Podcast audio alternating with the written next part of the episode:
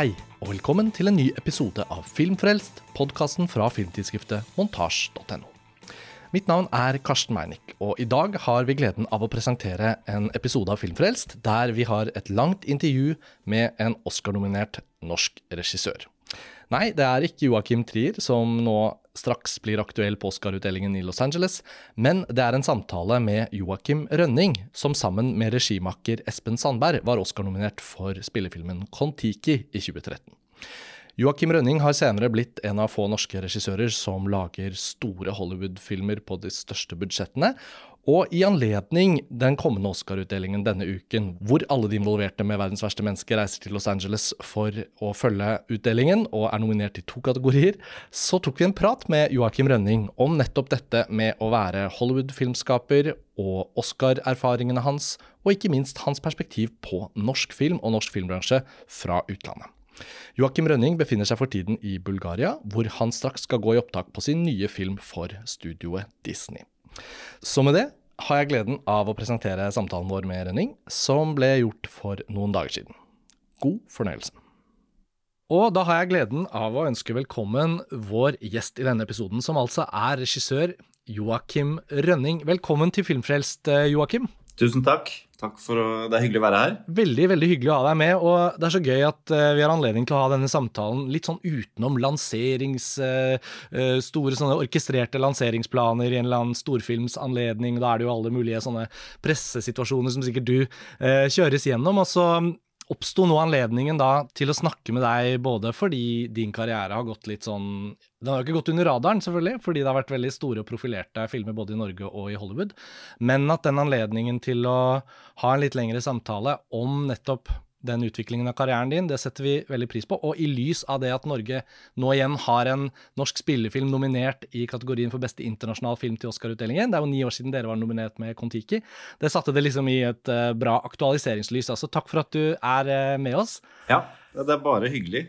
jeg forstår at du er ute og forbereder deg til opptakene på din neste film. Hvor er det vi når deg hen i dag? Akkurat nå så er jeg i Sofia i Bulgaria hvor uh, jeg er uh, to uker unna første opptaksdag på en film som heter uh, The Young Woman and the Sea. Som er den sanne historien om første kvinnen som, som svømte Den engelske kanal.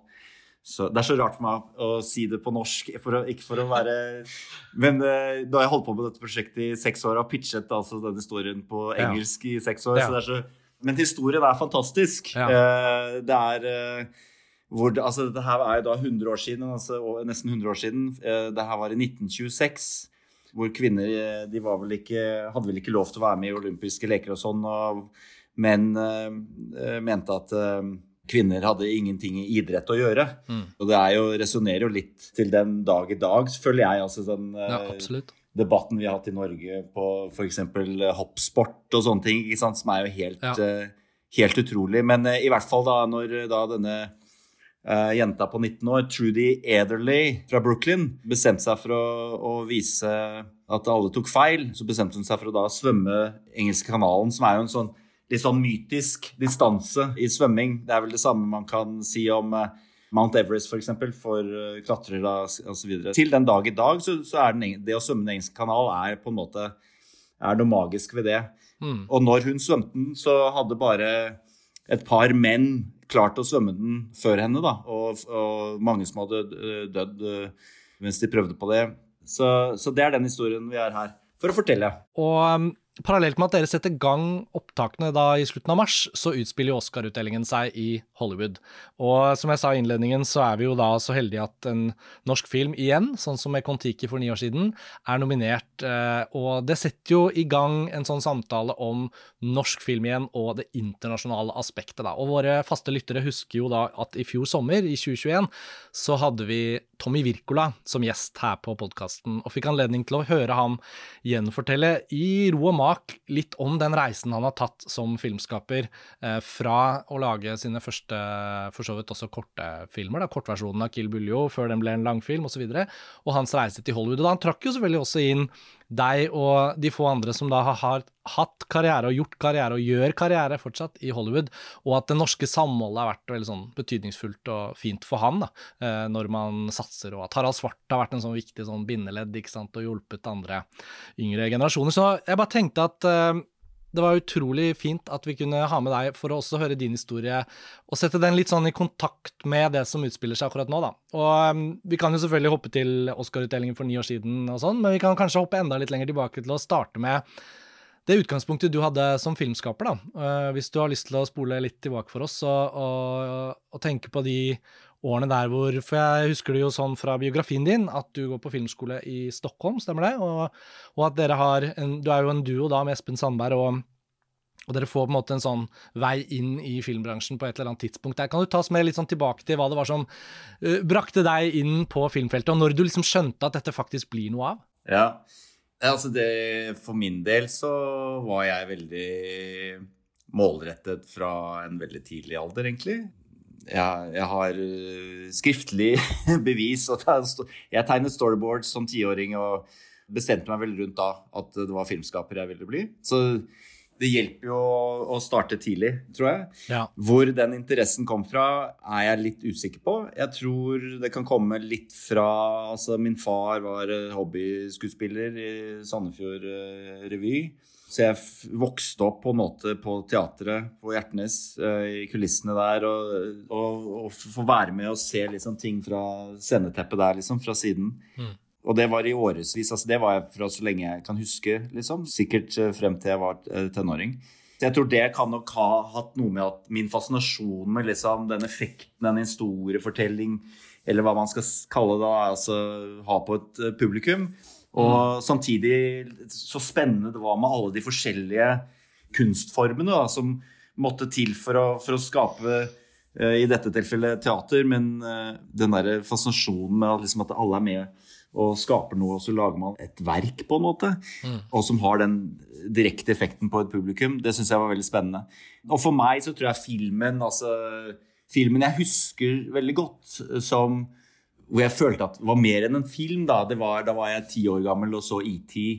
Og jeg husker veldig godt liksom at den var skummel, altså den, var, den var morsom, den var trist. altså Den hadde alle disse Uh, altså Jeg var så heldig å være ti år da når jeg så den ja. første gangen. Perfekt. Jeg var ti år da jeg så Jurassic Park første gangen, og det er også Spielberg selvfølgelig, ti år senere. Og det var, uh, det var, en sånn film som på en måte Da tenkte jeg nå er det et eller annet som har skjedd i livet mitt, på en måte. ja. Jeg er blitt rammet av noe som er større enn uh, større enn en vanlig opplevelse, liksom. Ja, og det er vel det jeg egentlig har etterstrebet litt sånn siden da i karrieren. Når, liksom, når, man, når, jeg skal, når jeg ser etter en historie, så ser jeg etter en historie som som på en måte kan få deg til å føle masse. Ja. Og um, noen ganger så, har, så, lykkes man med det, og andre ganger ikke. Men uh, det har absolutt uh, påvirket meg som, uh, mm. som, filmskaper. Da. Det var sånn det hele begynte.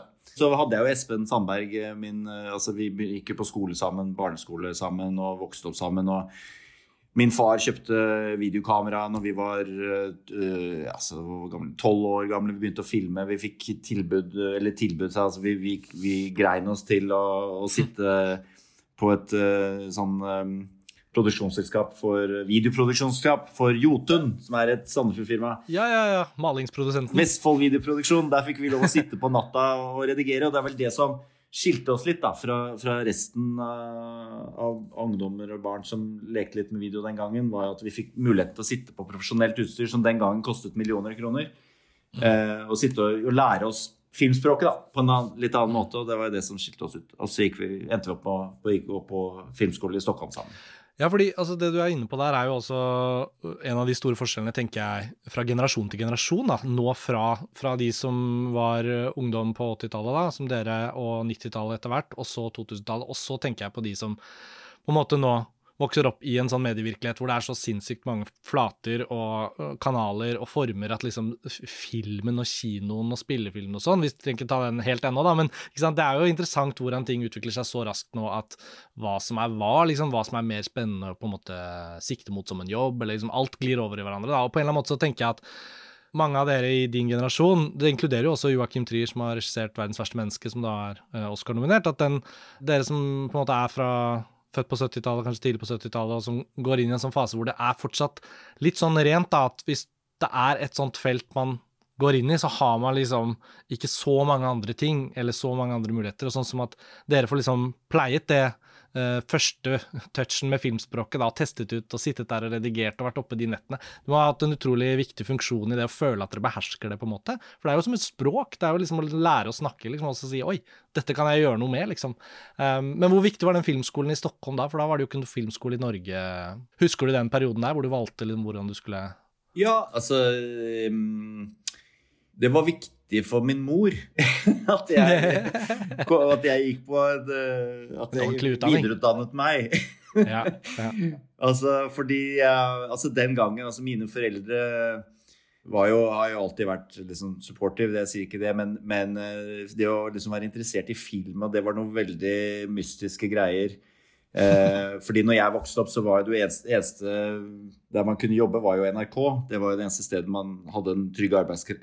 Eh, eh, da, ikke sant? Um, ja. Deres største ønske var jo å få meg en uh, filmutdannelse og så begynne å jobbe i NRK.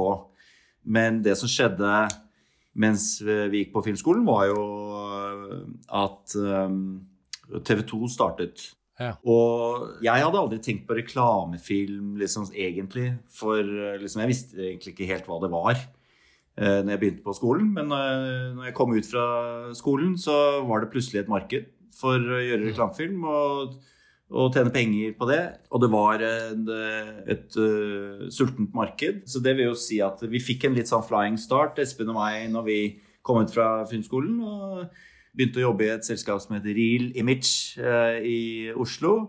Der vi gjorde reklamefilm eh, som da videre tok oss eh, ut i verden, rett og slett. Altså, mm. Norge har alltid hatt en veldig um, høy standard på reklamefilm og, og, har laget masse bra reklamefilm i alle år. Så vi, vi bygget jo opp vår showreel ganske raskt med relativt gode ideer og filmer. Som da tok oss til Tyskland, ikke sant. De ville, da ville de jobbe med oss. Og så tok det oss til England, Frankrike, og så da til USA. Som eh, var jo helt uvirkelig for oss da. ikke sant? Dette her var i 1999. Hvor uh, produksjonsselskapet leide hus til oss på Malhallen Drive, og, og der bodde vi og gjorde Superbowl-reklamefilmer. Ja, Fantastisk. 1999 er jo et så ikonisk filmår. Vi har til og med laget en egen podkastepisode om det året. for noen, eh, Det er jo noen år siden vi lagde den, men eh, det er jo et sånt utrolig år. I hvert fall husker jeg det som om det var i går. altså at I Hollywood i det året så lages liksom Eller så har jo premiere på både liksom Fight Club, Magnolia, The Matrix, ikke sant, eh, Ice White Shut kan man jo nevne i fleng. Når man ser tilbake på det, så tenker jeg liksom også at det var en sånn en siste sånn del av den hva skal man si, gamle skolen som fortsatt ikke var tatt helt over i det hyperdigitale, men at det fortsatt var veldig mye sånn forskning i filmmediet i, i amerikansk film, da, særlig. Og jeg husker også veldig godt at dere plutselig ble omtalt som Norges store internasjonale filmskapere som også skulle lage på en måte sin første kinofilm da, da Bandidas kom eh, i 2006. Og de, som du beskriver da, ikke sant, at på slutten av 90-tallet så er dere ute og lager reklamefilm på den internasjonale scenen, men så så er jeg jo nysgjerrig på å høre hvordan du da tenker selv om liksom For du snakket jo litt om at du hadde allerede ambisjoner tidlig om at du liksom skulle frem og ut og lage film, men hvordan husker du den perioden fra å da ha lagt kanskje ganske mange år med reklamefilmer bak seg, og det å liksom nærme seg å tenke på å ønske å lage en spillefilm, da? Trodde du det kom til å måtte skje hjemme i Norge, eller var du sikker på at det kom til å være en internasjonal produksjon, eller hvordan tenkte dere rundt det den gangen? Nei, altså vi var åpne for hva som helst. altså, vi, prøvde, vi prøvde og prøvde og prøvde, vi, på å mm. lage spillefilm. Og det var egentlig helt tilfeldig at ikke vår første spillefilm ble i Norge og sånn sett eh, ble en fransk-amerikansk eh, affære mm. i form av Bandidas. Luc Besson hadde jo en veldig høy stjerne selvfølgelig på 90-tallet, men også gått ut på 2000-tallet, så det var jo ganske, det var ganske sånn flott klang rundt det prosjektet, husker jeg, da, da hans navn var knyttet til det. Ja, altså Han er øh, fortsatt min helt, han. Altså, vi, det var helt fantastisk å jobbe, å jobbe med han, og vi gjorde jo reklamefilm for for uh, selskapet hans, Europacorp i mm. Paris. Mm. Så det var sånn han på en mm. måte hadde hørt om oss. Og så var det et uh, manus som uh, min bror Andreas uh, og jeg hadde skrevet som het 'Cabin Fever'. Som på en måte var et prosjekt vi prøvde å få opp å stå. Etter det så har det blitt laget noen hytteturfilmer skrekkfilmer i Norge. Men i hvert fall når vi skrev det, det manuset, så, så var det liksom ikke noe eh, særlig om det, da. Altså, og det kan vi snakke om litt senere, men, men, for det har jo skjedd veldig mye da, ikke sant, i den norske filmverdenen. Men eh, på grunn av, jeg tror det var pga. det manuset at han liksom så at det var en slags dramaturgisk teft der. og så at vi at altså så han på reklamerullen vår at liksom Ok, greit. De, de, kan liksom det ene og det andre, da. Og da jeg husker vi sto på et reklamefilmopptak utenfor San Francisco i uh, Redwoodsene der og holdt på å filme, og så ringte han oss. Luc Besson ringte oss og sa at um, det ble ikke noe av Cabin Fever, men, uh, men han hadde et annet prosjekt, da, og det var jo da Bandidas. Uh, mm. Det eneste problemet var da at de to stjernene i filmen ville ikke ha oss på regi. Altså det var da Salma Hayek og Penalty Cruise. Så, så, han ba oss om å liksom Hvordan kan vi overtale de? Så han ba oss om å lage en liten presentasjon av oss selv på video. Og så tok vi ja, han på ordet. så lagde vi I lunsjen så spilte vi inn en ganske komplisert affære, men som endte opp med å bli veldig morsom og og rett og slett uh, veldig bra. Altså, det, det, var mange Vi brukte tid og ressurser og sånne ting. Eh, vi, vi brukte vi lunsjene Vi hadde opptak var tre-fire dager eller noe sånt nå. Uh, og så brukte vi på reklamefilmen så brukte vi lunsjene på å spille inn uh, denne her lille filmen. Og, så, og jeg tror det er litt så Altså bruke den ressurs, ressursene og, og når vi når man Jeg tror For det er mange som har spurt oss sånn Altså, Hvordan liksom, klarte dere å komme i posisjon? hvordan klarte dere det? Jeg tror mm. svaret på det er liksom å når, man, når, vi får en sjanse, da, så har vi vært veldig flinke til å gripe den sjansen. Og ofre alt for å liksom være tilgjengelige og, og, liksom vite at this is it. Og det gjorde vi med den lille filmen. Eh, pluss at vi satt og ventet på telefonen fra Luc Besson, tror jeg, i tre eller fire måneder uten å ta en eneste jobb, liksom. Uh, hvor vi bare satt og ventet. Og så en dag så ringte han, og så, så, så sa han Hei, could you be in Mexico tomorrow? Og det var sånn vi fikk jobben, liksom. Da sa vi jepp. Men i en sånn tilværelse som det, Joakim, hvor dere på en måte da er ute i verden og lager disse reklamene, altså hvordan, hvor holder du liksom til da? Er du på en evig flyt fra prosjekt til prosjekt? Bor på hotell. Ja. Men du har du liksom egentlig da, i de årene der, har dere ordentlig base hjemme i Norge som liksom du returnerer til i noe særlig grad da? Hvor dere griper de mulighetene som kommer, og dere liksom er i en sånn flow? Nei da, hadde base i Oslo. Hadde base i Norge. Ja. Så det er sånn man er ute det er sånn uh, to uker på, to, to uker av, holdt jeg på å si. Altså, ja, uh, ute plattform. ja, det er en litt annen betraktning, er jo det der, eh, livet til en frilanser. Ikke sant? Altså, ja. Nå har jeg vært frilanser, jeg fyller 50 i år. Og man gjør seg opp noen tanker, og noe av det jeg tenker på, er jo det der å være, ha vært frilanser i hele min yrkeskarriere. Da. Og det er nok ikke for alle.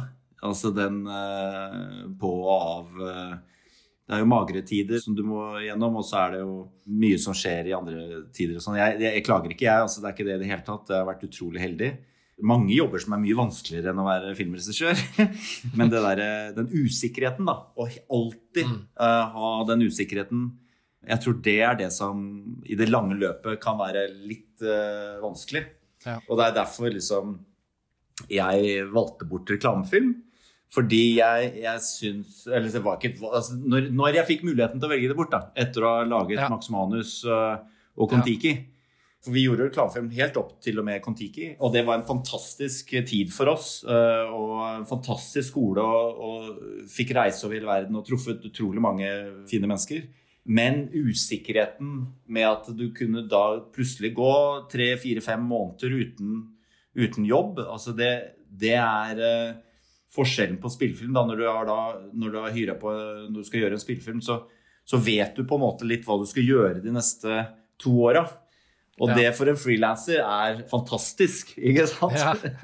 Men så selvfølgelig kan man jo gå to år uten å, å gjøre spillefilm også, så da må man jo finne på andre ting da, ikke sant? Men jeg må si de i, i øyeblikket man holder på med spillefilm, og nå holder jeg på med min sjette spillefilm, så er det sånn sett fantastisk. Mm. Altså det er jo veldig Må bare starte et sted, da. Du sier mange ting jeg, jeg kunne like å forfølge nå, men, men det, det, det, punktet der, da, hvor dere er ferdig med Bandidas, den er oppe og står og slippes på kino rundt omkring i verden, og har jobbet med altså Penelope Cruz og Sam Hayek, de var jo eh, ingen hvem som helst eh, den gang heller, og i hvert fall ikke nå. Så jeg tenker Likevel så går dere da inn i to filmer som skal vise seg å bli helt sånn nøkkelverk i liksom hvordan norsk film klarer å entre norske befolkningens populærkulturelle bevissthet. Og jeg føler at det er mange filmer som kan sies å ha vært viktige, selvfølgelig, for at vi på 2000-tallet har fått en norsk filmkultur som vi er sånn ekte stolte av. For nå har jo det skjedd.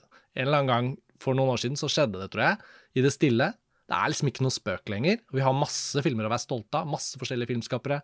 Du er liksom ute og gjør det du gjør nå, ikke sant, og så har vi andre som også gjør det. Så det er ikke bare deg, eksempel. Og på alle mulige nivåer. Sånn at per 2022 så skal jo norsk filmkultur kunne klappe seg selv på skulderen og si at ja, nå har vi både bredde og nå har vi liksom masse variasjon. og Mange filmskapere som er sultne på å vise seg frem fortsatt, men også de etablerte. Men i de der årene hvor eh, ja, norsk film er lagt ned, det, Filmfondet er etablert, det byttes ut noen kulturministre, Trond Giske er vel kulturminister der på et tidspunkt, og så, og så kommer noen sånne nøkkelfilmer, så kommer liksom Buddy, ikke sant? Aksel Hennie blir en stjerne, han gjør Uno, det er alle de filmene der, og så er det plutselig Harald Svart som kommer hjem og lager noe, altså sånn, og så kommer dere, og så kommer Max Manus og Kon-Tiki, hvis vi tar de litt sånn sammen, da. Som jo selvfølgelig er eh, norsk film på et høyt nivå i forhold til den sjangeren begge filmene skriver seg inn i, og den formtryggheten som dere representerte, men også hvordan de begge da er med på en måte og nesten fordi tematikken og fortellingene har det heroiske, har den nasjonalfølelsen også, og nå tenker jeg i aller beste forstand, da, fordi det smitter over på vår nasjonalfølelse for hva en norsk film kan være. Kunne du liksom prøve å spole tilbake og tenke hvordan de årene der var også? Klar, klarer du liksom å se det fra utsiden nå, eller minnes du det mest som at du var midt i det og lagde de filmene. Altså, for det er jo virkelig en helt sånn avgjørende periode da, i nyere norsk filmkultur. De årene der mellom 2007-2008 til 2012, liksom. Ja, nei, altså det var stor forskjell å lage for, for, meg var det stor forskjell mellom Max Manus og Kon-Tiki. På Max Manus så var man jo helt eh, altså, Man var jo så naiv, på en måte. altså altså Espen og meg, vi, det, det, eneste vi hadde lyst til, er vi, så, vi, denne, vi syntes denne historien var så fantastisk. Vi hadde, mm. Så I bunn og grunn så var det bare at vi hadde lyst til å lage denne uh, historien. Vi hadde lyst til å mm. fortelle mm. denne historien. Og at det var et fantastisk manus av, av Thomas Norseth Hiller, som um, uh, dessverre døde veldig ung. Ja, det husker jeg. Det var forferdelig tragisk. Tenk på hva han også kunne gjort. Men så for oss så var det liksom sånn vi, jeg husker vi, vi, vi, spilte den inn midt i februar, og så var det premiere midt i desember. Og jeg visste ikke Altså når publikumstallene f.eks. begynte å, å, dette inn liksom mm. etter første fredagen åpnet der og sånne ting, så våknet vi dagen etter. Og liksom sånn så fikk jeg en telefon fra Sveinung eh, fra Golimo fra Da var jo han i, i Filmkameratene mm. den gangen. Eh, og sa at det var over 50 000 mennesker som hadde sett den på fredag. Ja. Og det hadde ikke da skjedd siden 70-tallet. Så tenkte jeg oi, wow, det er kult. Liksom. og fortsatt tenkte jeg liksom ikke noe mer på det. Og så hadde vi da tre helger på rad med over 100 000 på kino. Hvor filmen gikk til da nesten 1,2 millioner til slutt. Og jeg tror nå, altså Med Kon-Tiki så var det jo liksom Plutselig visste jeg disse tallene, og det var mye mer Det var helt sånn egentlig fordi det var jo presset på at liksom, det måtte komme i nærheten av, av Max Manus. da, ikke sant? Ja, og det var da forventningen og alt er annerledes. Ja, ikke sant? Så det var pluss at jeg plutselig liksom våknet tidlig og ventet på tallene og sånn. ikke sant? Og sånn har det jo vært ever since. ja, den sykdommen blir du ikke kvitt. Ja, så, så, man lengter jo tilbake litt sånn sett til Max Manus. Men jeg tror det som skjedde litt med Max Manus, var jo at folk eh, Og jeg snakker ikke om, liksom, om filmen er god eller ikke, men det som skjedde, var at eh, Eh, folk, norsk, nordmenn gikk og så norsk film på kino igjen. Altså, mm. og vi hadde jo tre generasjoner fire generasjoner som gikk sammen på kino og så den. og ting, Så plutselig så i hvert fall sånn som jeg opplevde da, den gangen, var at uh, den åpnet opp litt sånn for at uh, OK, jeg kan, begynne, jeg kan gå på kino og se norsk film igjen. Mm. Uh, igjen uten å si at den, liksom, at den fortjente det. Men Eh, jeg tror folk syntes det var gøy å, å, å, prate om norsk film igjen. Og da snakker jeg ikke bare om kritikere og de spesielt interesserte, men altså hvor, hvor alle vanlige folk så, mm. i hele Norge satt rundt julemiddagen og, og prata om, om, en norsk film. Og det,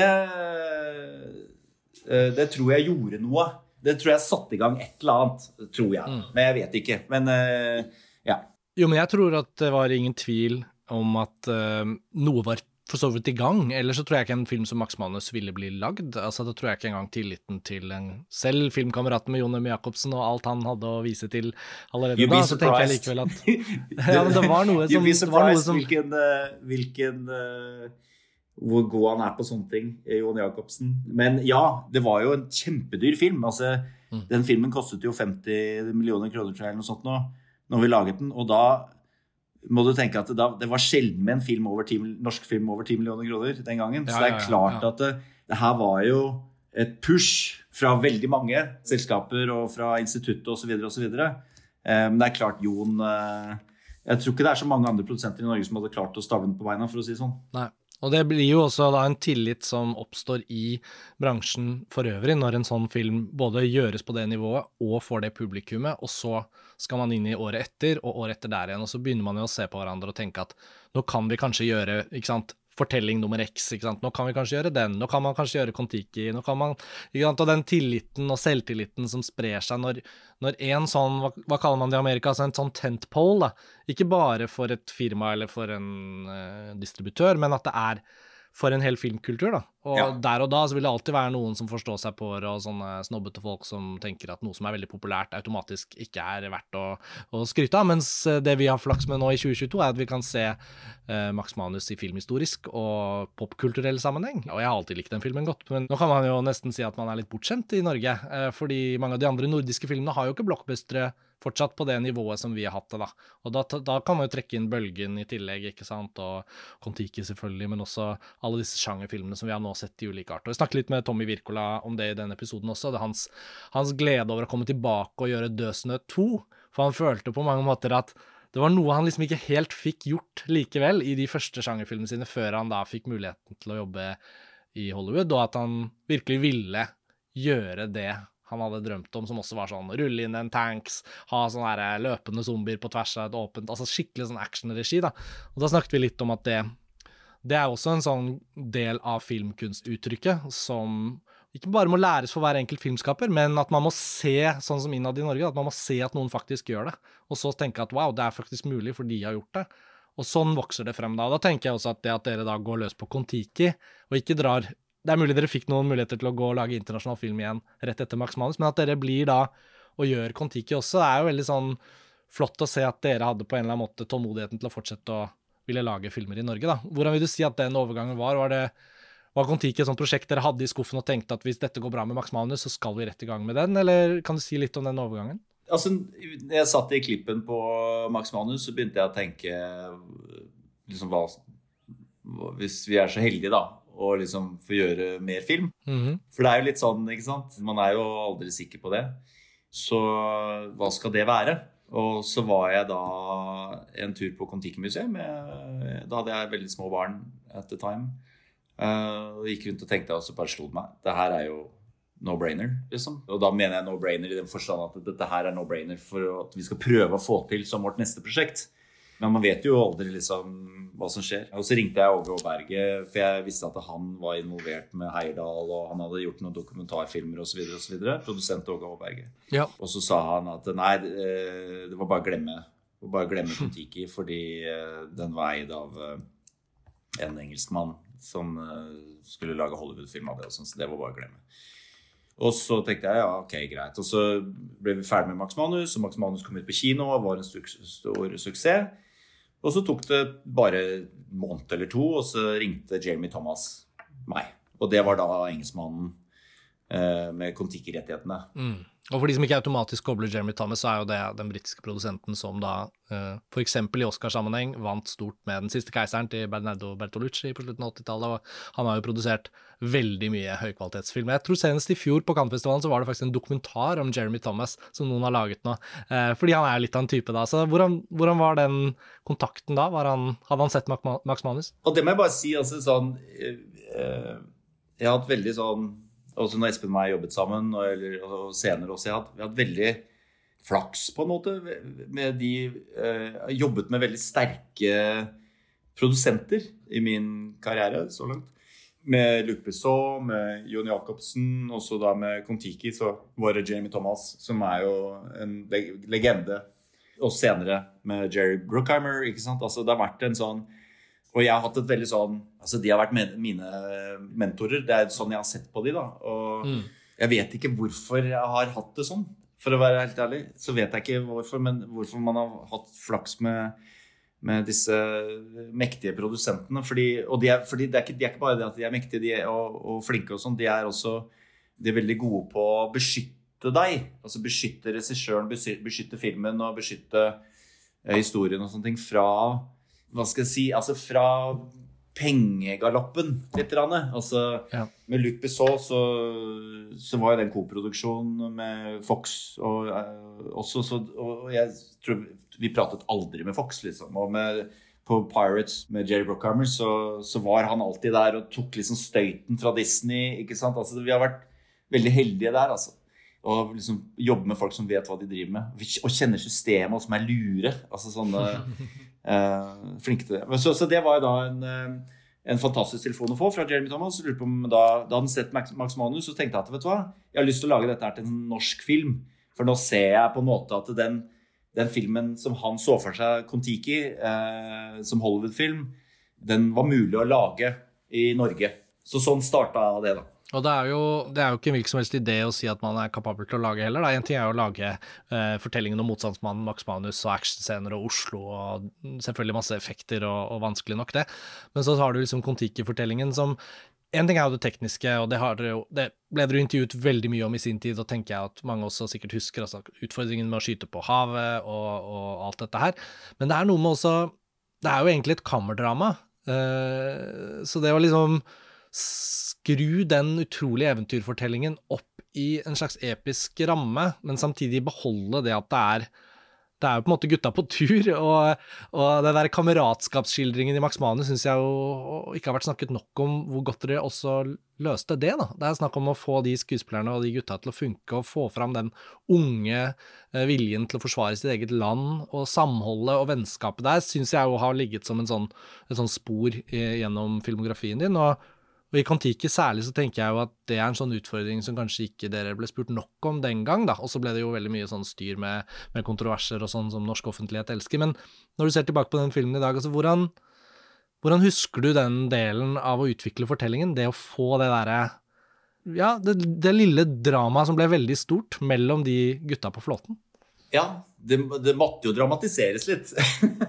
altså, det ja. var jo for, å, for at uh, hva skal jeg si altså Man leser jo litteratur, og man, man setter seg jo inn i det. og, og casting er jo Det begynner jo mm. der også, ikke sant? Å sette sammen den riktige gjengen. Finne hvem som skal spille Thor, ikke sant? på Sverre, som er jo en naturlig leder, og som tok den eh, rollen fra første stund. Men, men eh, fordi når du leser alle disse bøkene og dokumentarene, så var det jo liksom Alt var bare fryd og gammen, liksom, hele veien. Og det tror jeg ikke noe på. Nei. Når det er 101 dager til sjøs, eh, liksom. Haier som sykler og sånn. Så, så, det er klart at vi, vi, tok noen friheter. Og jeg tror sånn i, i, bakspeilet så gikk vi nok litt for langt sånn med tanke på den eh, kontroversen og sånne ting. Men jeg syns at debatten den gangen, eh, altså når vi skrudde til dramaturgien på en måte da, og fikk fram, så syns jeg det ble, den ble så veldig vi stod, satt jo på Dagsrevyen liksom, og måtte forklare hva vi hadde gjort. Og da med veldig mange mennesker som ikke hadde sett filmen engang, men som bare var ute etter å liksom uh, ta oss ut. Da. Og jeg mener jo fortsatt at de karakterene, alle karakterene i den filmen får oppreisning i løpet av historien. og, og ja. sånne ting. Og, og, som jeg ville kanskje gjort et par sånne vridninger litt annerledes i dag.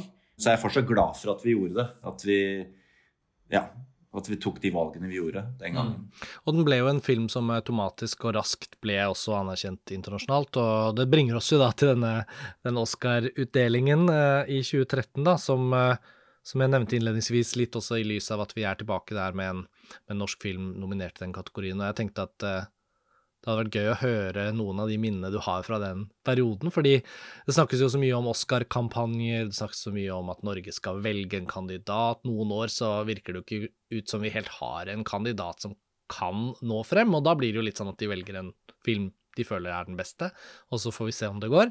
Mens i andre tilfeller så er det jo sånn som i år, og sånn som den gang med Kon-Tiki, så er det jo en som skiller seg ut som både har distributør på plass internasjonalt, noen som er villig til å kjempe for filmen, som ikke er norske selv.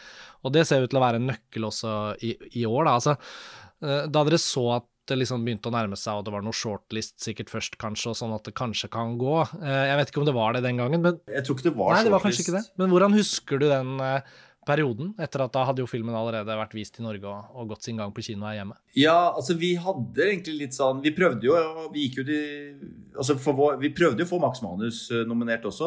Ja, dere hadde selvfølgelig erfart det, ja. Mm. Ja, så vi, vi gikk jo de rundene med Max Manus. Og, og du må tenke, vi hadde jo altså vi hadde jo en ganske bra reklamefilmkarriere at the time. Så vi hadde sånn penger på bok, så vi brukte enorme summer på vår egen kampanje. Altså, Ja. Instituttet støtter jo, støtter jo liksom 10 000 kroner, eller altså det er et eller annet sånt. ikke sant? Men både på Max Manus og, og Kon-Tiki så brukte vi flere hundre tusen kroner av egen lomme på å være i Los Angeles, på annonser, på liksom å, å jobbe, jobbe dette her. Altså, ikke noe vondt om instituttet, altså, de har jo sine budsjetter. budsjetter og budsjetter og ta, så, og, og på Kon-Tiki så var det helt fantastisk. Og da hadde vi jo vi hadde litt mer, du, Man kjenner på en måte at du har litt flyt, da. Men det er det jeg har vært litt sånn redd for nå med, med 'Verdens verste menneske', er at liksom de har vært så veldig sikre på liksom å vinne, på en måte. At jeg har vært så nervøs. Og herregud, jeg håper ikke at de liksom eh, hviler på det. fordi det man vet om Oscar, er jo at alt kan skje. mm. Så jeg har vært, eh, jeg har vært nervøs på at det liksom, og ble veldig glad når den ble nominert, og sånne ting, og nå holder det på trøkket, og jeg tror den kan vinne. Fordi den har momentum. eh, Altså den har Mm. et stigende momentum.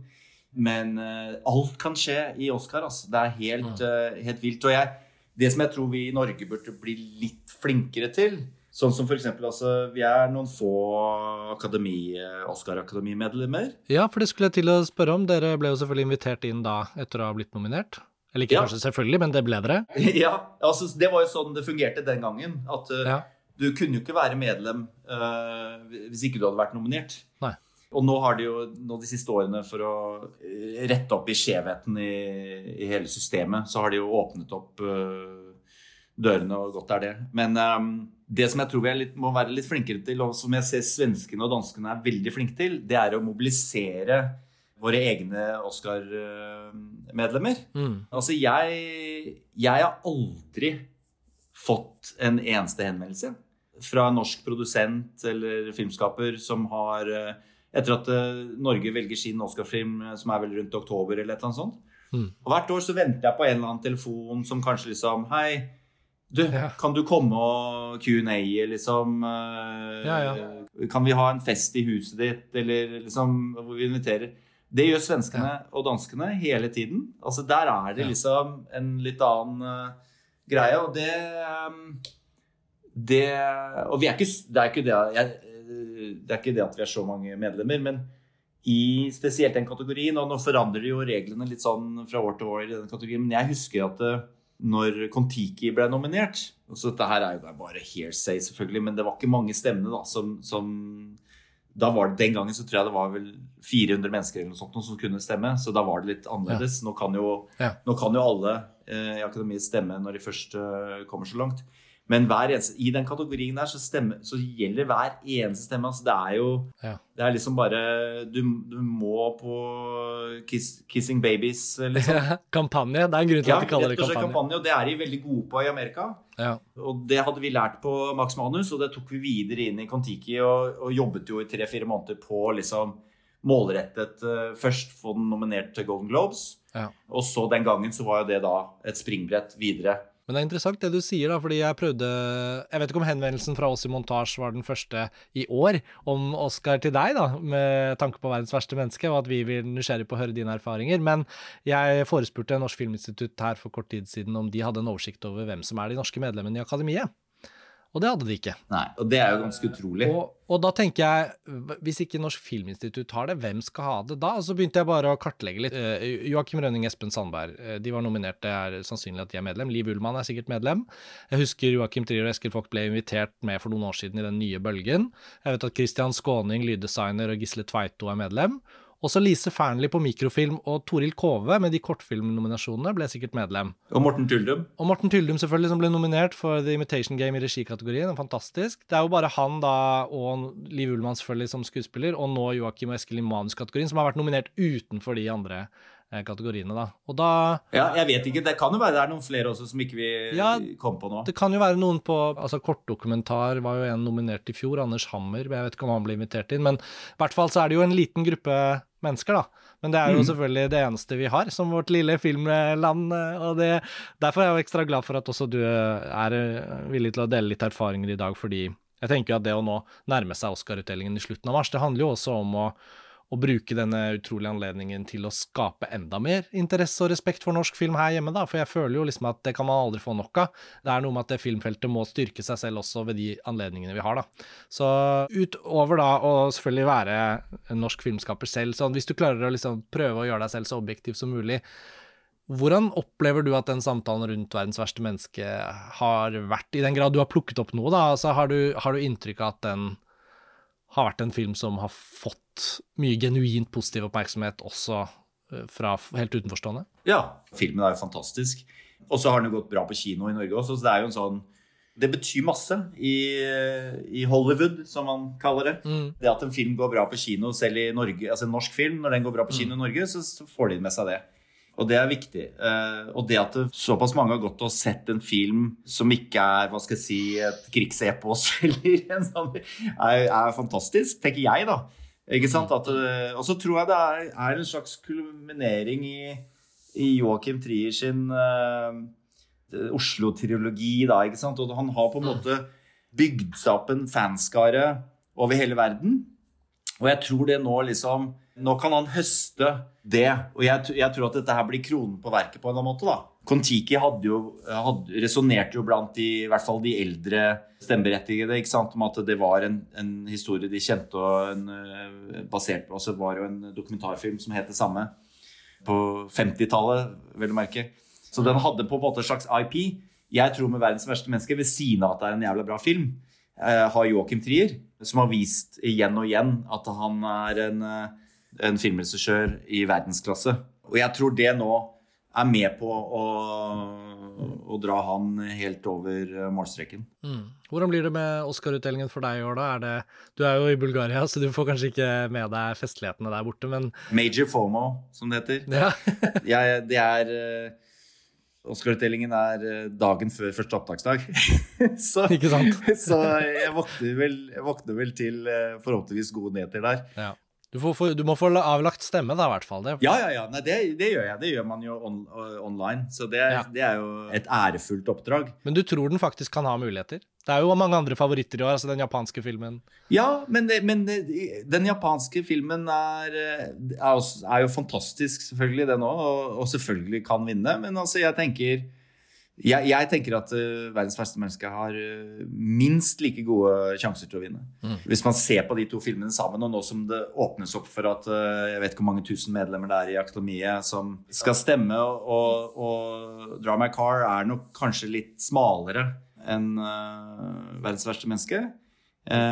Litt lengre osv. osv. Det er sånne faktorer altså, man kan gjette på at man blir grønn. Men veldig spennende er det. Jeg tror Norge har vel aldri vært så nære som vi er nå. Nei, veldig spennende. Og, og for å hoppe litt sånn tilbake da til hvordan da din filmografi og din, dine muligheter, for du snakket jo litt om det der med å være i stand til å skjønne når en mulighet oppstår, og klare på en måte å gripe den, da. Og jeg leser jo inn denne innsatsen deres i kampanjen for Kon-Tiki, og det å være til stede og skjønne hva det betyr, da, dersom den kommer opp på det nivået.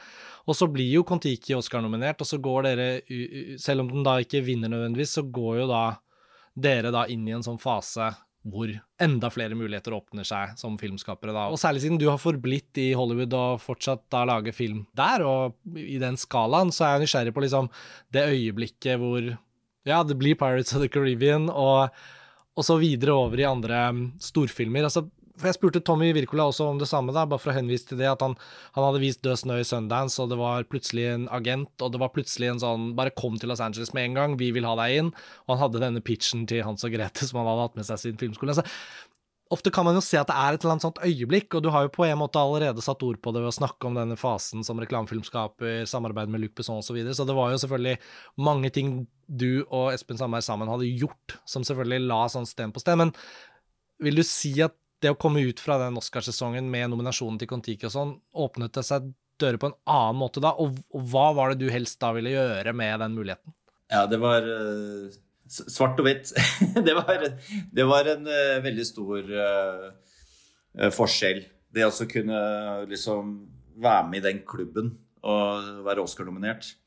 Da, vi, da var det vel alle ville møte oss, og vi kunne møte hvem som helst. Mm. Hva slags vurderinger gjør man i et sånt øyeblikk da? For da var det vel sikkert utrolig mange prosjekter å velge mellom, på en måte? Ja, litt sånn overveldende i øyeblikket. Men, og jeg må jo si altså i det øyeblikket Kon-Tiki blir lest opp som nominert, så jeg tenker på det øyeblikket som en sånn Fordi jeg skjønte det Jeg skjønte så godt at liksom livet kom ikke til å være det samme. Nei. Hvis den ble nominert og ikke nominert. Og um, en liten anekdote på det. Espen og jeg vi bodde på Four Seasons ikke betalt av eh, instituttet, bare så det er sagt. vi bodde på Four Seasons eh, på Dohini i Beverly Hills. Oscar blir lest opp Oscar-nomineringen blir lest opp klokken halv seks om morgenen, lokal tid. Og veldig sånn spent og sånn, så jeg våkner veldig tidlig. Og så tenker jeg at jeg orker ikke, det her, den kommer ikke til å bli nominert. Så jeg legger mobilen liksom unna. Så klokka halv seks så hopper jeg i dusjen. Hvor jeg liksom Jeg ikke, jeg orker ikke. Jeg vil ikke eh, få de dårlige nyhetene, liksom. Eh, kan, kan telefonen liksom ligge der borte. Og så, så, liksom, sånn, så ser jeg der borte, så begynner telefonen å, liksom, blinke og sånne ting. Så ja, ja, ja. Mange kon kondolanser, tenker jeg da, ikke sant. Og så liksom kommer jeg ut av dusjen, og så uh, går jeg bort, og så ser jeg åh, hvem er det som ringer, liksom? Og så er det min bror, Andreas, som ringer. Og så tenkte jeg ok, greit. Jeg kan, jeg kan få liksom, dårlige nyhetene fra han, det er greit. Og så, så tar jeg sånn Hallo. Eh, ja. Og så sier han Ja. Ja, det var jo synd, det. Sier han. Til meg. Fordi det er hans, veldig hans humor. det var jo synd, det. Og jeg bare Faen. Jeg roper jeg faen, liksom. Og så sier han Hæ? Har du ikke fått det med deg? sier han. Hva da? Nei, du ble nominert. Og så bare for jeg, da, hadde ikke, det hadde vært fem minutter siden jeg var nominert, så han var helt sikker på at han var den siste som ringte. At du hadde sittet og sett på, ja. ja. Så i hvert fall det var sånn jeg fikk vite, og da var det løping i gangene osv. Så, videre, så det var veldig gøy. Men det selvfølgelig åpnet alle dører, og så var det det riktige altså for, for, for oss så var det på en måte Pirates of the Caribbean var eh, Det blir liksom ikke større for oss. Altså kunne jobbe med noen av verdens beste skuespillere, en av verdens beste produsenter, for Disney. Det er solid. Det er liksom Det er også world event. så når vi ble nominert, så, så vaklet de veldig så Det var en annen regissør som var involvert, og så var vi liksom ti, på, ti regissører på lista, og så plutselig ble vi nominert, og da vi kom vi inn på den lista, så må du ha 20 møter hvor du liksom leverer ikke sant? visjon og ideer på scener og liksom sånn. Så jobber du deg oppover i systemet, ikke sant. Og må overbevise alle junior-eksekutiver, eksekutiver, presidenter, Jerry Bruckheimer, produsenter, og så ender du opp hos Johnny Depp.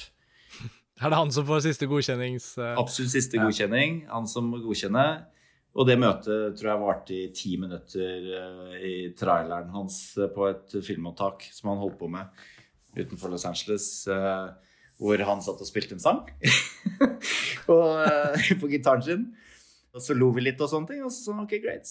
See you, see you guys. You know, let's do it. For han så var det mer sånn å bare se oss, tror jeg. Bare se at vi lo av vitsen hans. og at vi jiva, liksom. Ja, dere kan komme overens? Ja, at vi liksom ikke var uh, assholes eller et eller annet. Jeg vet ikke. Men det møtet Nei. var det korteste ja. møtet, for å si det sånn, da. Og så når, ja, da, når vi kjører uh, hjem, to timer lang biltur, så får vi telefon fra advokaten vår og, med hele management og sier gratulerer. You are the directors. Så, uh, så det var gøy.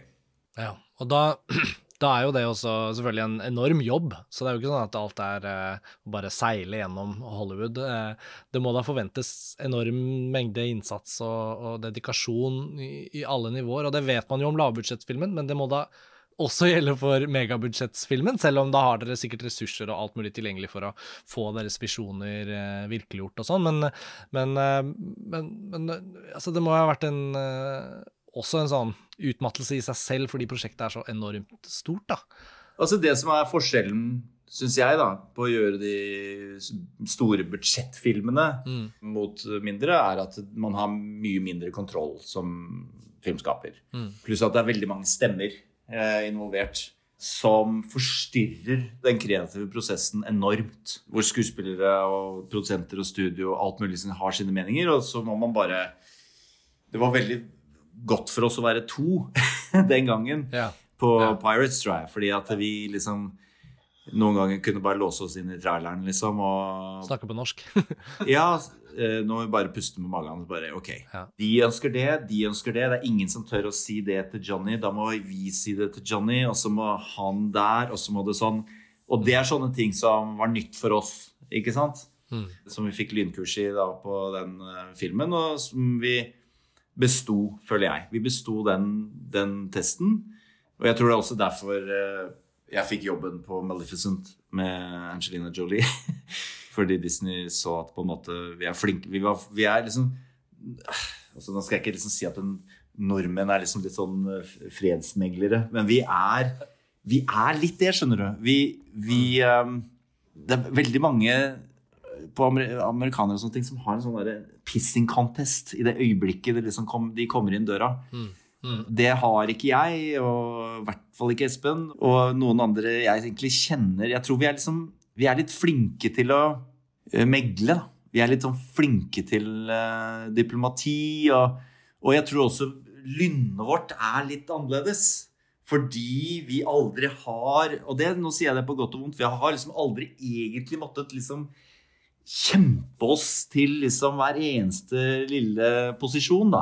Ikke sant? I mm. karriere og sånne ting. I Norge så er det veldig trygt og godt. og jeg mener jo at alle som har lyst til å lage film i Norge, kan lage film.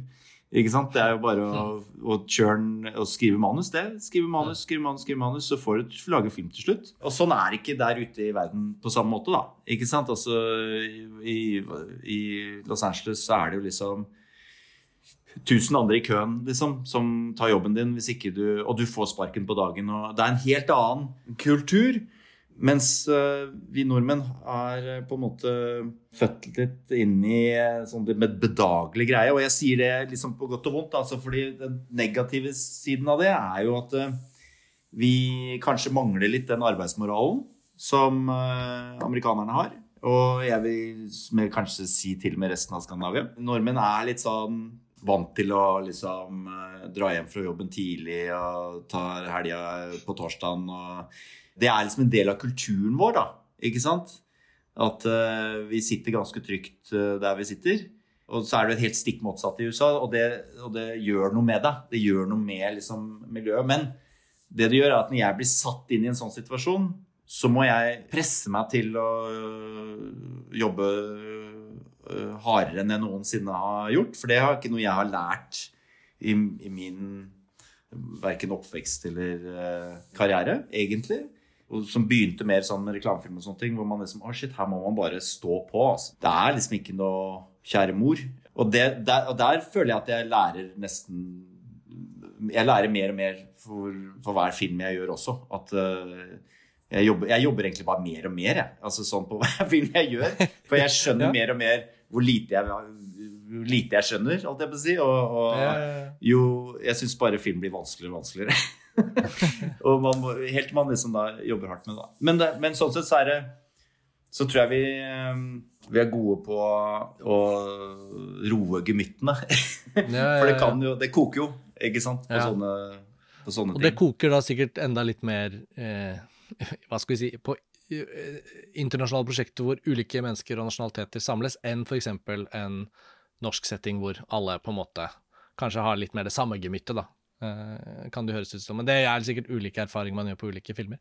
Jeg er nysgjerrig på å spørre deg la litt om det hva skal vi si, Det er jo sikkert da et balansepunkt da hvor man eh, Ettersom det er flere ulike norske filmskapere, og, og da antageligvis inkludert Espen Sandberg, da, altså at når er det man kjenner på den følelsen av at man kanskje vil hjem og lage film hjemme, eller at man vil fortsette på det nivået? Altså Morten Tyldum har jo tatt reisen både frem og tilbake, og skal sikkert gå litt frem og tilbake. Tommy Wirkola har laget litt filmer her og der. Harald Svart har jo også laget filmer hjemme i Norge og internasjonalt. Og så, og så opplever jeg fra utsiden at det kan se ut som at du virkelig har satset på å være i Hollywood, da. Eh, men jeg kjenner jo ikke deg godt nok til å vite noe sånn svar på det, så jeg blir jo nysgjerrig og lurer på hvordan du ser det punktet der i en sånn karriere, da, og hvordan du har erfart det fra dine nærmeste kollegaer og sånt som har tatt andre valg. Altså, hva tenker du rundt det? For meg så er det jo historien man ønsker å fortelle litt, da. Altså, det er derfor, altså, I hvert fall ønsker jeg at det skal være det som gjør, gjør at jeg ønsker å lage en film. Mm. Og så kan man jo si liksom uh, Pirates og Maleficent, uh, feer og eventyr og sånne ting er liksom ikke det jeg drømmer om å lage film om. Men det er jo fantastisk gøy å igjen få jobbe med skuespillere på det nivået. Og lage en film som liksom jentene mine mine døtre synes jeg, som skjønner at de er med på det, og, og, at eh, når jeg først er borte så mye, at de liksom forstår hva slags type film jeg gjør. Men når det er sagt, jeg har flere norske prosjekter på gang, jeg. Som jeg ønsker å gjøre og, og i Norge og i Skandinavia. Og liksom komme tilbake og fortelle uh, norske, film, norske, historier. Jeg har veldig lyst til det uh, en dag. Og, og den filmen jeg holder på med nå, er jo på en måte litt tilbake til liksom Kon-Tiki og Max Manus. Altså, det her er en sann historie, en viktig historie med masse følelser og og sånn sett et drømmeprosjekt for meg, da. Og var det Altså, nå bare spør jeg fordi jeg rett og slett ikke vet. Var det, var det noe Altså, Tror du du og Espen skal dere lage film sammen igjen, eller eh, er det Jeg vet ikke egentlig hvorfor han dro hjem og lagde Amundsen istedenfor å fortsette å lage film i Hollywood. Jeg, nei, jeg tror ikke vi kommer til å lage film igjen. Uh, vi er fortsatt veldig gode venner. Og liksom, jeg er ganske stolt av det, at vi har klart å liksom hva skal jeg si, gemyttlig mm. gå hvert til vårt og ha hver vår karriere. Ja, hvis man vil forskjellige ting, men likevel klarer å liksom Jeg tror kanskje det. Så jeg er veldig spent på hva han skal gjøre fremover, og han er spent på hva jeg gjør. og Han er den første jeg forteller liksom, om når jeg skal i gang med noe greier. Så, så, så vi har det der, men eh, Og vi hadde, en, vi hadde et kjempebra run, liksom, mm. sammen. Mm. Uh, vi har vi, har jo kjent hverandre i 40 år, liksom. Vokst opp sammen og sånne ting. Så det er klart at det er jo et bånd der som aldri kommer til å ryke. Så det var ikke noe mer dramatisk enn det.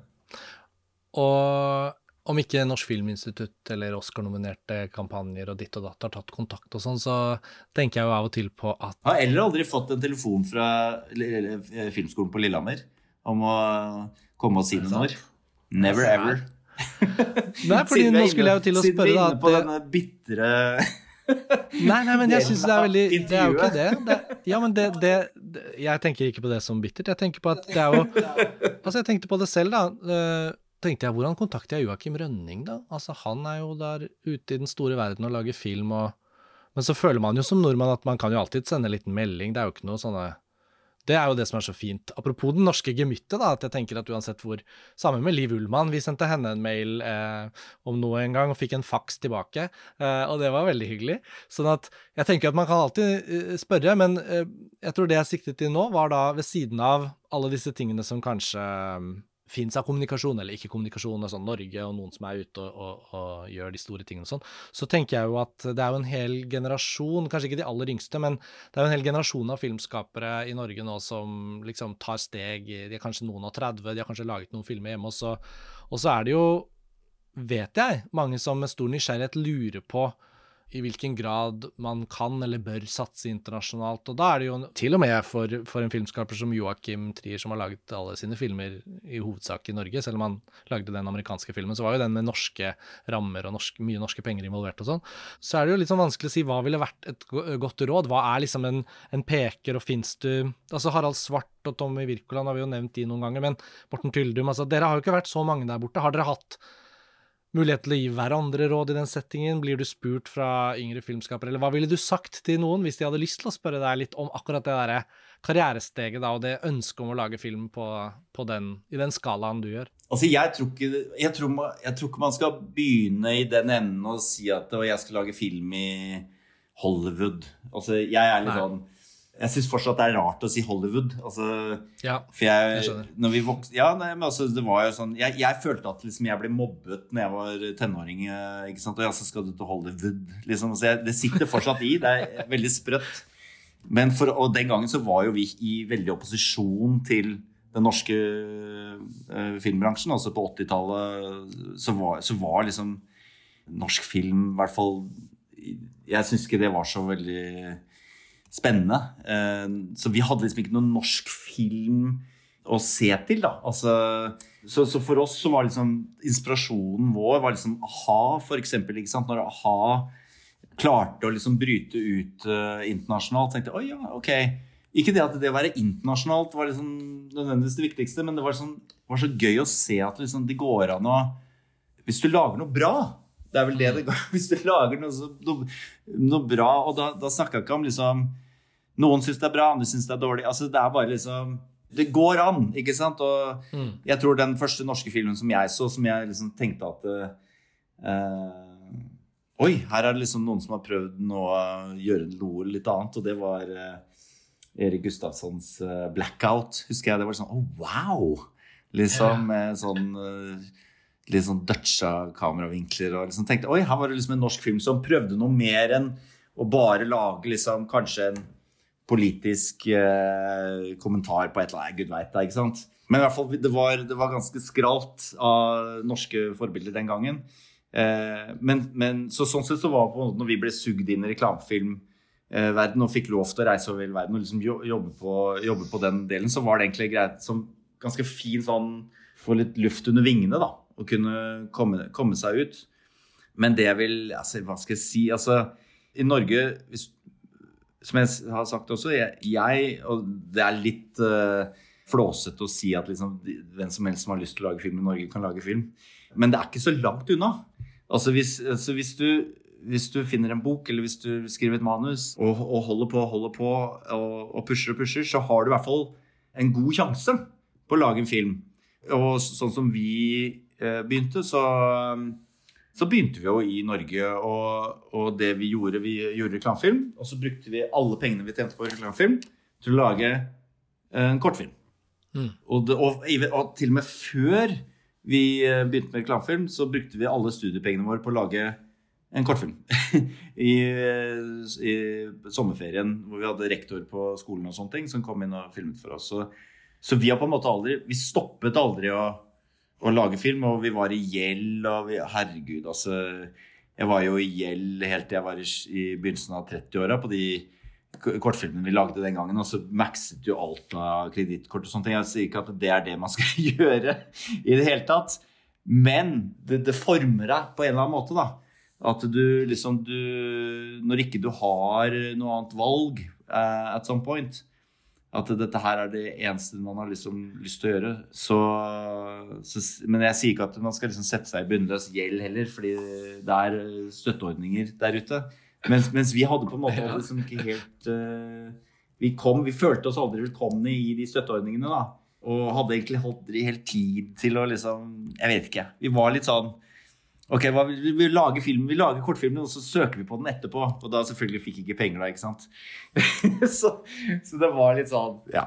Var dere i Grimstad med noen av de filmene de årene? Ja, vi var i Grimstad med både altså Stormen, som den første het der, som var med var faktisk Jørgen Langhelle som gikk bort nå for ikke så lenge siden. Ja. Og Lars Andreas Larsen på voiceover hadde vi. Og så var det Dag én med Kåre Konradi og Bjørn Floberg som vi gjorde Som også var i Grimstad. Og vi ble mm. altså så hata i Grimstad. Jeg vet ikke hvorfor, jeg vet i hvert fall det var, det var liksom en litt sånn jeg vet ikke. Det var dumt av oss også. Vi var litt sånn, vi kom ned der med masse reklamefolk. og Jeg skjønner godt at det Og jeg ser ikke på det Jeg, jeg syns Grimstad er en fantastisk festival. og mm. har vært der veldig mye. Og, og, og, sånne ting. Men den gangen så var vi liksom eh, liksom midten av 20-åra. Liksom, det var vår eh, det var liksom, Prøvde å ta over festivalen litt, og det, det skjønner jeg kjempegodt det ikke ble så, var så populært. Men jeg husker i hvert fall Jon Jacobsen etter at vi kom ut fra en, eh, en litt laber visning av dag én. Så kom han bort og sa det beste, beste kortfilmen jeg har sett. og da var det liksom alt i orden, da, ikke sant? For det var jo Han var vårt publikum, da. ikke sant? Så det har jo, ja, ja, vi begynte han... jo tidlig liksom å, å pense oss litt inn på hva vi ønsket å gjøre. Men, men og var nok i opposisjon da, ikke sant, til det etablerte eh, filmgreiene som vi syntes var bare mørkt og trist den gangen. Mm. Men nå så er nå er det jo liksom mye, mye, mye, mer annerledes. Nå de Altså Jeg tenker jo ikke på det på den måten i det hele tatt lenger. Og, og jeg tror ikke det er sånn lenger heller, altså Nei. i Norge. Nei, for det er jo veldig spennende når du sier det med La oss se litt frem i tiden, da. ikke sant? At du går nå i opptak på din uh, nye film. Og forsto jeg det riktig fra pressemeldingen da det ble offentliggjort at du antageligvis skulle gjøre den filmen, at den lages hos Disney? Ja. Så det er jo da eh, de store, hva skal vi kalle det, Hollywood-rammene da, som, som, ligger bak det. Men, men, også den tanken på at hvis det skulle være et av de prosjektene i Norge som, som blir aktuelt for deg, om ikke neste film der igjen, men om ikke så altfor mange filmer, da, så vil jo det, den, den Norge, eller den norske filmkulturen som du da returnerer til, vil jo være, som du sier, drastisk endret fra ikke minst i overgangen fra 90- til 2000-tallet, selvfølgelig, for da var det jo veldig lite som ennå hadde skjedd, men til og med til og med etter de årene med Max Manus og Kon-Tiki, så, så, var det jo også noe med at de prosjektene dere gjorde der, var jo også med å modne mange av de derre leddene av en filmkultur som kan gjøre det så uh, oppprofesjonalisert. Da, fra visuelle effekter til produksjonsdesign, uh, altså foto Nå har jo dere jobbet altså De filmene der, i hvert fall, med han Geir Hartli Andreassen, men nå har vi også en rekke rekke veldig talentfulle norske fotografer som også jobber på veldig høyt nivå hjemme i Norge. Altså man ser liksom at fra hele liksom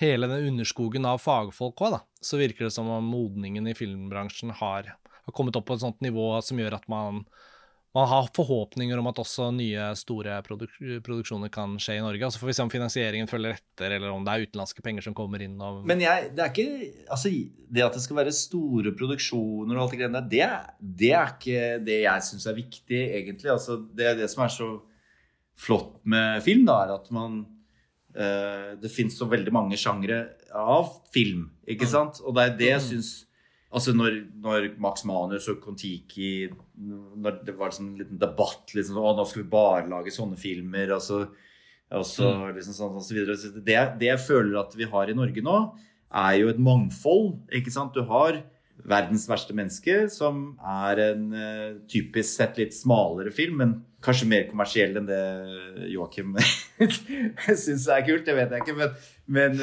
som viser seg at det, veldig mange har gått og sett den på kino. da, så det, da er, ja, ja. ikke sant?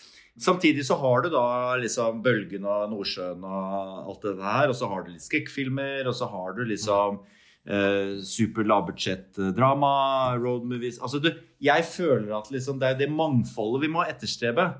Og så vil det alltid være en film i året eller to som er dyr, da, ikke sant? Som, eh, som, som må ha en litt bredere eh, interesse blant publikum. ikke sant? Og det er derfor liksom, sånn type film fort blir en krigshistorie, eller, eh, eller Sonja Hennie, eller ikke sant? Det er fort liksom sånne ting må ha en IP, som det heter, for å rettferdiggjøre et budsjett på 100 millioner kroner. ikke sant? Men debatten hvordan kan vi fortsette å lage det den type film, den film Jeg tror man bare liksom Vi gjør noe riktig mm. akkurat nå. Og jeg, jeg tror at uh, Filmskolen på Lillehammer har vært veldig bra for norske miljø. Jeg tror også det sitter en, liksom, en gjeng nå på instituttene litt rundt omkring som ser mangfoldet, og som, som ikke bare gir til barnefilm. ikke sant? Altså, ja. eh, som er en tendens i Norge, liksom. The, the safe bet. Men eh, Så på en eller annen måte så gjør vi noe riktig nå, da. Ikke sant? Også, men så, mm. altså, så hvis du har den kombinasjonen da med eh, gode filmskapere, som vi har, og, og, og, som vi får flere av etter hvert som folk får lov til å gjøre film, Og som du sier også, at det fins eh, andre nøkkelroller i filmproduksjon også nå som, som, eh, som bobler i Norge. Eh, så jeg tror det er en veldig spennende de neste ti åra de vi går inn i nå. Mm. Eh, hvis jeg skal si én ting om hva vi eh, burde gjøre, eh, og det har ikke så veldig mye med norsk film å gjøre, men det er jo å åpne opp en insentivordning som gir rom for utenlandske filmer til å jobbe i Norge. Ja, for det virker som at de ikke har laget en sånn regelstyrt ordning sånn som det er nå. At det er eh, vi har 40 millioner, og så søker eh, Mission Impossible, og så går alle pengene dit. Og så er det sånn OK, da venter vi til neste år, liksom. Så de, de går jo tom for penger, og det virker som en veldig sånn eh, feilorganisert måte å gjøre det på. Det burde ikke være noe tak, fordi det er jo en, en plussbedrift, holdt jeg på å si. Altså, jeg tror der er debatten litt sånn feil i Norge, eller i hvert fall media i Norge elsker å, skri, altså, elsker å skrive liksom Tom Cruise uh, har fått 40 millioner kroner fra norske skattebetalere. ikke sant? Mens det er jo ikke sånn det ja, fungerer i det hele tatt. Når uh, det vi gir, gir tilbake momsen, da, f.eks.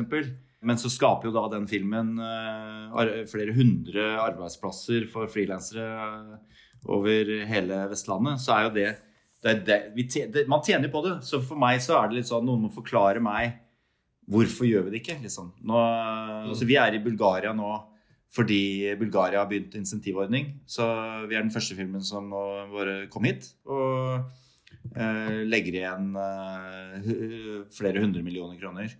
Eh, som de da Det er 1000 arbeidsplasser her. Så det er, som, det er som går i pluss. Altså det er det. Det er jo, det er jo ikke et regnestykke nesten engang. Altså det er jo bare Så det, den der skjønner jeg ikke. Men jeg skjønner at det, i Norge så er det blitt det derre at politikerne kvier seg for å gå inn i debatten fordi folk der ute tror at eh, hvorfor skal norske skattebetalere gi, gi penger til Tom Cruise? Ikke sant? Det er det mm, som er mm, problemet. Mm, mm, ja, media, media, spiller en litt sånn viktig rolle på negativt vis da, ja. til å forenkle det på, på, og fordumme det, når egentlig den saken de kunne laget, var se på disse 100 frilanserne som fikk eh, en skikkelig bra jobb å vise til, og som fikk også utviklet fagkunnskapene sine da, og jobbe på det nivået, er jo også Av de 40 millionene vi gir til den filmen, så får vi tilbake 60. Ikke sant? Det er sånn du skal se på det. Og det burde, sånn burde det vært i etterarbeid også i Norge. Norge burde vært eh, i bresjen for å ha insentiv på å, lage, å legge etterarbeid til Norge. Jeg, jeg, prøver på alle mine prosjekter å legge etterarbeid til Norge, men, men det er for dyrt, rett og slett. Det er rett og slett for dyrt og som jeg høres helt sprøtt ut, at det er billigere for oss å gjøre etterarbeid i London. Men um, i London så er det 30% insentiv. I Canada er det 40% insentiv. Altså det er mm. vanskelig å konkurrere med, da. Så på den filmen du gjør nå, så gjør opptakene i sin helhet i Bulgaria? Eller skal ja. dere skyte den Ja. Og så gjør dere klipp, effekter Etterarbeid i London. i London ja. Og det kunne like gjerne vært i Oslo eller i Norge. Nå har vi jo snakket lenge. Jeg tenkte jeg må, jeg må, tilby en avslutning. Eh, selv om jeg føler sånn Det er jo så gøy, Joakim, fordi når du begynner å fortelle, og så tenker jeg på Det matcher jo veldig godt opp med mye av de perspektivene som jeg tenker at uh, vi har litt sånn Det føles ut som at Norge på en måte har vokst seg kvalitetsmessig og kapasitetsmessig og da talentmessig, da, person for person, store nok og bra nok til egentlig å liksom brette seg litt mer ut og være litt mer sånn trygge på det. Og det gjaldt jo for deg som filmskaper i forhold til det du snakket om i stad. Liksom, plutselig så er det rammene der for å kunne lage sånne filmer og sånn. Men det virker som om liksom, som et sånt kollektiv, om det er instituttet eller ministeren eller bare en eller annen form for sånn kollektiv følelse i bransjen, så føles det som det fortsatt er en sånn usikkerhet på om man egentlig liksom kan være litt sånn stolt av det. ikke sant? For det er jo så typisk da vårt lille folkeferd at man ikke tør å si rett ut at faen, vi er dritgode på dette her, liksom.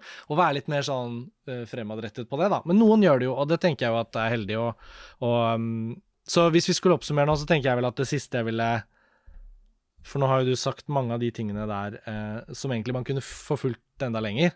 Men nå tenker jeg vi må nesten avslutte. Jeg vet ikke hvor mye tid du har, men det var veldig fint at vi kunne snakke såpass lenge, i hvert fall. Vi er over tiden. så Joakim, altså her er det jo veldig mange tråder vi kunne fortsatt på i, i uh, enda mer, men jeg er glad du hadde lyst og entusiasme og tanker å dele med oss nok til at vi har fylt episoden til randen. Og jeg vil da bare avslutte egentlig med å si at vi er veldig takknemlige for at du tok deg tiden. Jeg vet at er, uh, tid er en viktig ressurs når man lager uh, film og i livet for øvrig, så takk for det. Og så blir det jo veldig spennende nå med den eh, litt sånn norskfargede Oscar-utdelingen, får vi si, fra, fra, norsk perspektiv, som vi går i møte. Og det får bli en god stemmeprosess for deg da, som akademimedlem. Blunk, blunk. Vi håper at, at, at, det blir noe å juble for når den tid kommer. Det, har du noen siste ting du har lyst til å dele med oss i avslutningen? Nei, lykke, lykke til i Los Angeles. Jeg, det blir veldig spennende. Jeg, eh, jeg, håper og tror på gull. Så um, takk for meg, og la oss ta en prat uh, når, jeg, når den filmen her er ferdig. Ja, det gjør vi med glede. Bra. Tusen takk. Supert. Vi snakkes. Ha det godt. Ha det bra.